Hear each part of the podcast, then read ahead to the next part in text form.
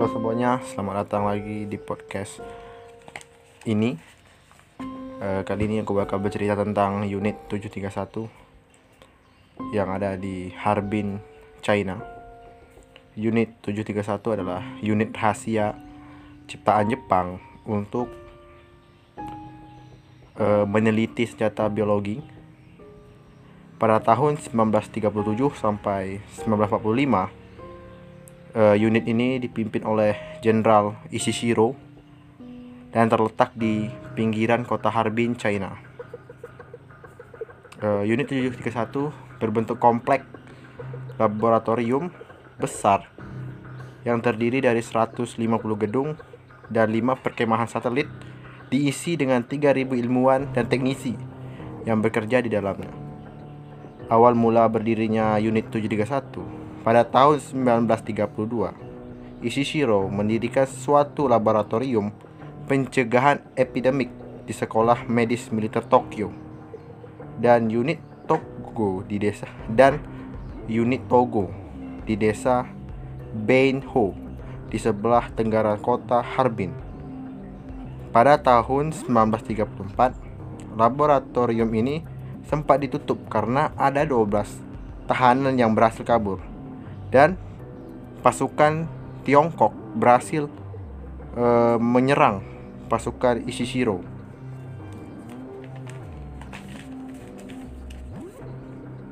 Dua tahun kemudian, unit Togo dibuka kembali dan berganti nama menjadi Departemen Pencegahan Epidemik Tentara Kuantung atau Unit Ishi atau Unit Ishi dan pada tahun 1940 diubah kembali menjadi Departemen Pencegahan Puri dan eh, Departemen Pencegahan dan Purifikasi Air dan pada tahun 19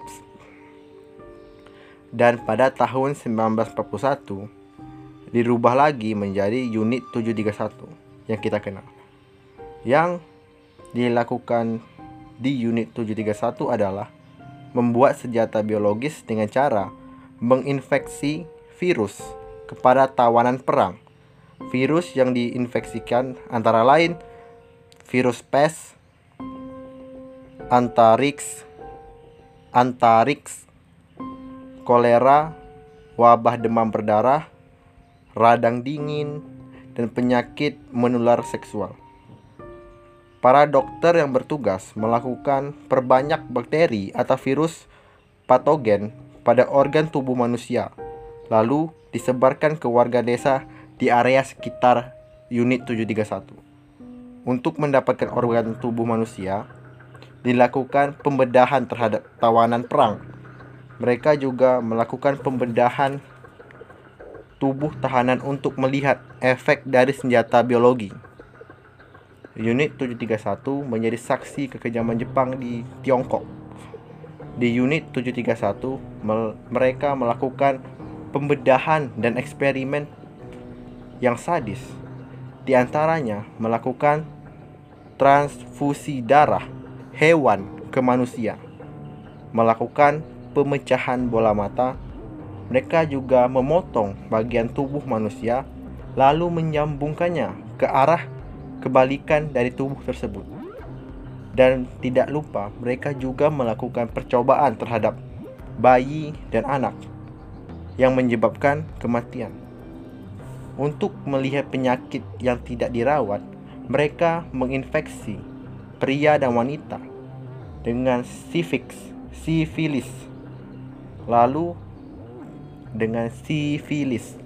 Lalu para korban dibekukan, kemudian dicairkan untuk mempelajari pembusukan daging manusia. Mereka menempatkan manusia pada ruangan bertekanan tinggi dan berbagai tindakan-tindakan tidak manusiawi lainnya. Dan setelah jasad korban diambil organnya, kemudian jasad tersebut jasad tersebut dibuang dan dibakar. Para tawanan juga menjadi korban uji coba senjata. Para tahanan diikat pada jarak tertentu di posisi tertentu, di posisi tertentu lalu dilemparkan dengan granat penyembur api, bahan peledak, bahan peledak,